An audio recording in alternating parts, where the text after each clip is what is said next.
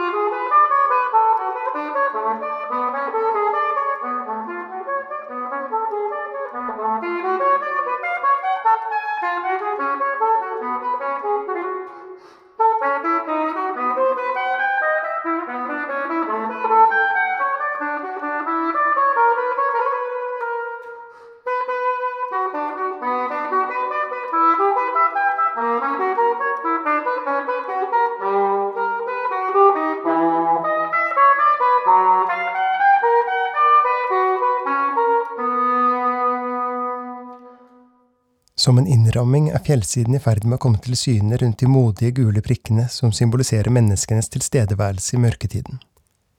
Selv om selve himmelen går mot en lysere nyanse av mørkeblått, blir fjellene værende svarte, kun synlige gjennom ikke å synes. Kvelden før hadde de vært tause under de grønne båndene som var strukket over himmelen. Du skal ikke utfordre nordlyset, tar hun seg i å tenke, for det er broen mellom gudeheimen og jorden ifølge gammel samisk tradisjon. Denne dagen vil aldri helt komme til syne her. Den blir værende blå de få timene den varer, inntil den synker tilbake ned i det svarte, når fjellene forsvinner og trekker fargene i himmelen ned i seg, slik at bare de modige gule prikkene ved foten av fjellsiden vitner om at det er noe utenfor byen og byens lys. Allerede etter lunsj vil turistene flokke seg på fortauene utenfor hotellene for å bli kjørt vekk fra alt lyset, i håp om å få skinte det grønne lyset alle kunne se fra byen kvelden før. Om strømmen går, er det alt vi vil se. Om alt vi kan se, er lyset verden reflekterer tilbake fra gjenstandene den inneholder. Hva ser vi da en helt blå dag som forsvinner? Tolv sekundmeter vind biter i kinnene utenfor svingdørene, hun går vekk fra vannet.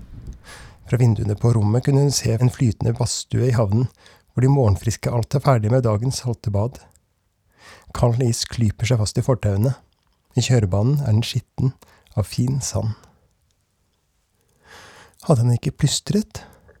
Kvelden før, da han også skulle henge opp jakken sin på restauranten og tilfeldigvis hadde kommet borti henne, igjen. Hvordan han hadde snudd seg mot kollegaen for å avlevere en morsomhet idet hun hadde snudd på hælen for å sette blikket i ham. Den samme kollegaen som alltid skulle dekke opp for ham, som alltid holdt seg nær alfahannen sin.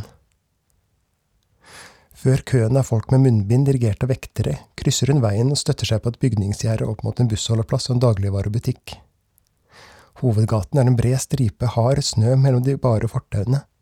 Et hvitt bånd som de grønne kvelden før, strukket ut under de modige gule prikkene som henger i luften og minner om den nært forestående høytiden.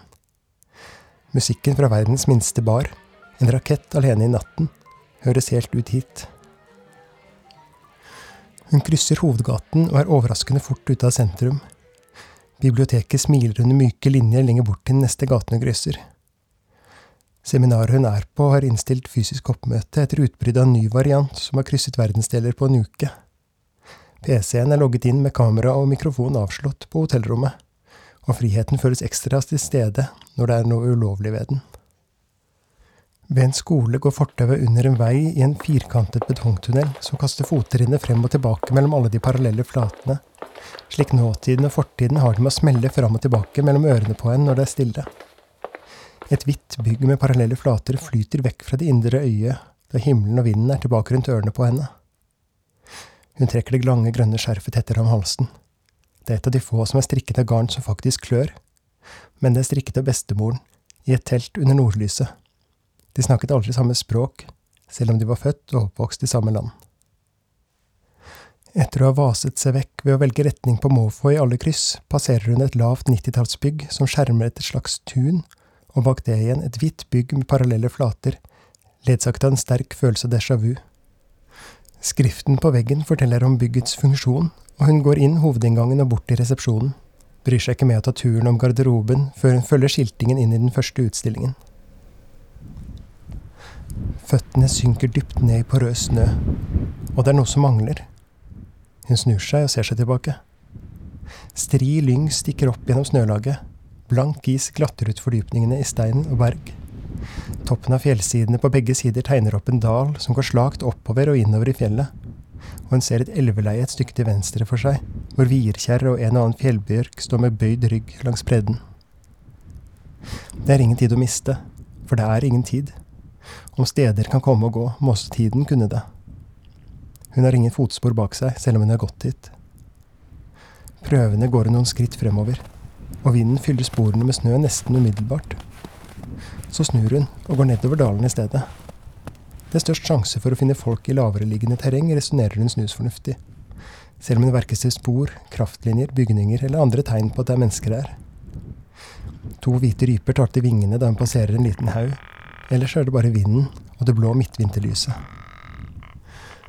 Alle lydene fra byen som nettopp var der, sitter fortsatt igjen i bevisstheten, men snart fyller lyden av snø som blåser over snø, alle spor etter den. Snøen knirker litt. Vinden kommer i kast. Hvor langt har hun gått?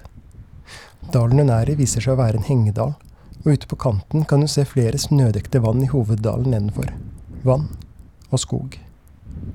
Skog betyr ved, og ved betyr varme betyr liv, resonnerer hun igjen, før hun kommer på at hun ikke har så mye som en fyrstikk. Dagen må være på sitt lyseste snart men det er fortsatt ikke veldig lyst. Så blå er en himmel i nord. Bårane vidder. Og Heilo som gret bortanfor livet. Vinden. Vinden. Nede i dalen kommer hun inn på et spor etter det som må være en person og et reinsdyr. Kjørerein ut fra sledesporene å dømme. Hun går noen skritt i hver retning utenfor sporet og sammenligner for å finne ut hvilken vei de har gått. Det blåser mindre her, men det kan ikke være lenge siden noen kom forbi. Snart hører hun plystring, og tilsynelatende ut av ingenting kommer en mann og en liten hund gående. Han er kledd i en gammel kofte og har skaller med gress i på føttene, men ser ikke ut til å reagere på hennes moderne klær. Like fort som han kom, er han vekk, og det er ingen spor etter ham, selv om det er nesten vindstille, og snøen er løs. Plystringen er også borte.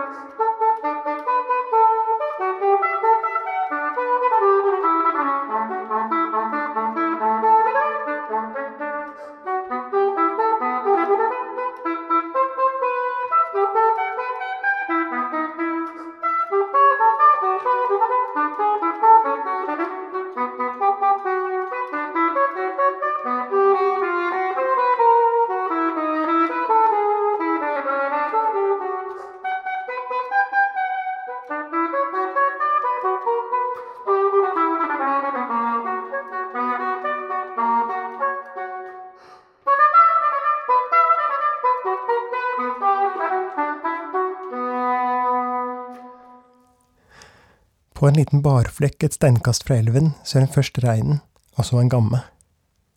Hun banker på døren før hun åpner den, og blir møtt av lukten av kaffe.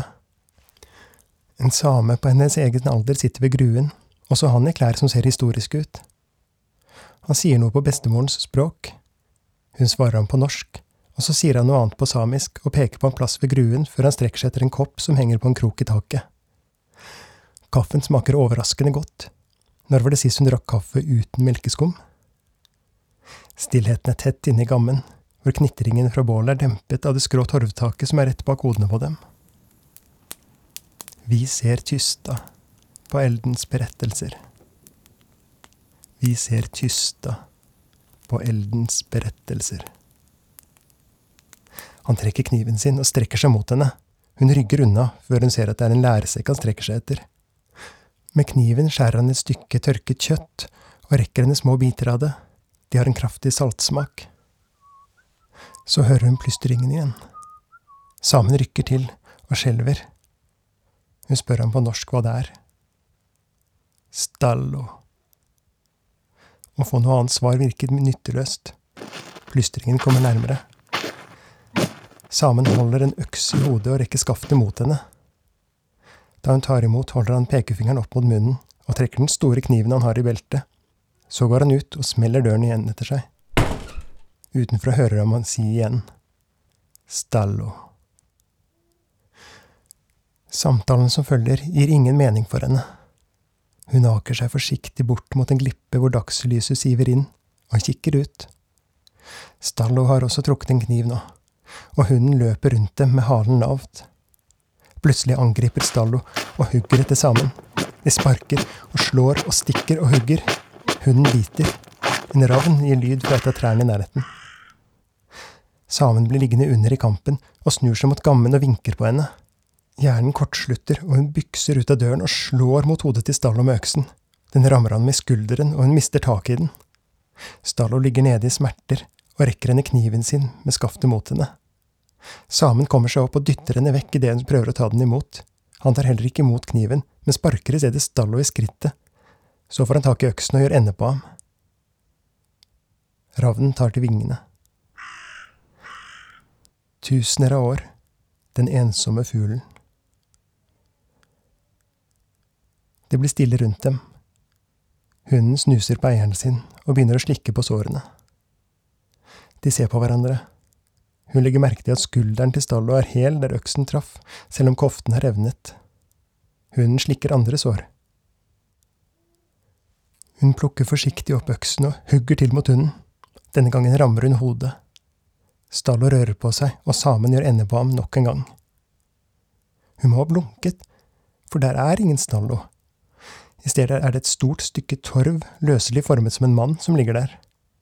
Hunden har blitt en liten stubbe. De ser på hverandre et øyeblikk. Øksen står i stubben. Han sparker torvstykket utover og spytter før han går inn i gammen igjen. Det er helt stille. Kjørereinen til samen flytter litt på seg, som om den er pinlig berørt av stillheten mellom de to som står der ute. Ingen fugler, ingen vind. Adrenalinet begynner å slippe tak i henne, og hun er sliten kjenner at hun er i ferd med å begynne å fryse.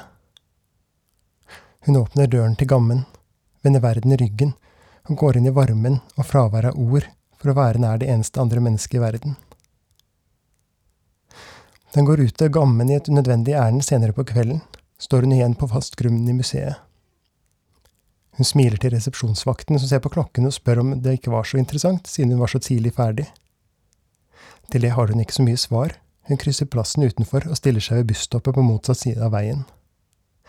Bussen tar henne gjennom formiddagsstille boligfelt tilbake til bykjernen og musikken fra raketten som reiser alene gjennom vinteren under de modige, lysende prikkene. På kiosken kjøper hun en stor, svart kaffe før hun følger de islagte fortauene tilbake til hotellet. En kjent plystring følger henne inn i heisen. Oi, sier han, snubler liksom litt i døråpningen og sneier bort til baken hennes mens han ler mot kollegaen som alltid henger på. Hun strekker ut hånden og legger den kjærlig rundt halsen på mellomlederen som kaller seg sjef. Merker blikket hans trenge dypt inn i de grønne øynene hennes, de han tidligere en gang har sagt at minner om nordlyset. Nordlyset som hun vet at er broen mellom menneskene og gudeheimen. Så knuser hun ballene hans med kneet og dytter han mot speilet så heisen rister. Han siger ned på gulvet. Idet døren går opp, slenger hun den skålne, varme kaffen i fjeset på kumpanen hans før hun går ut og opp på rommet sitt for å pakke kofferten. Klærne hennes lukter bål, og hun har blod på hendene.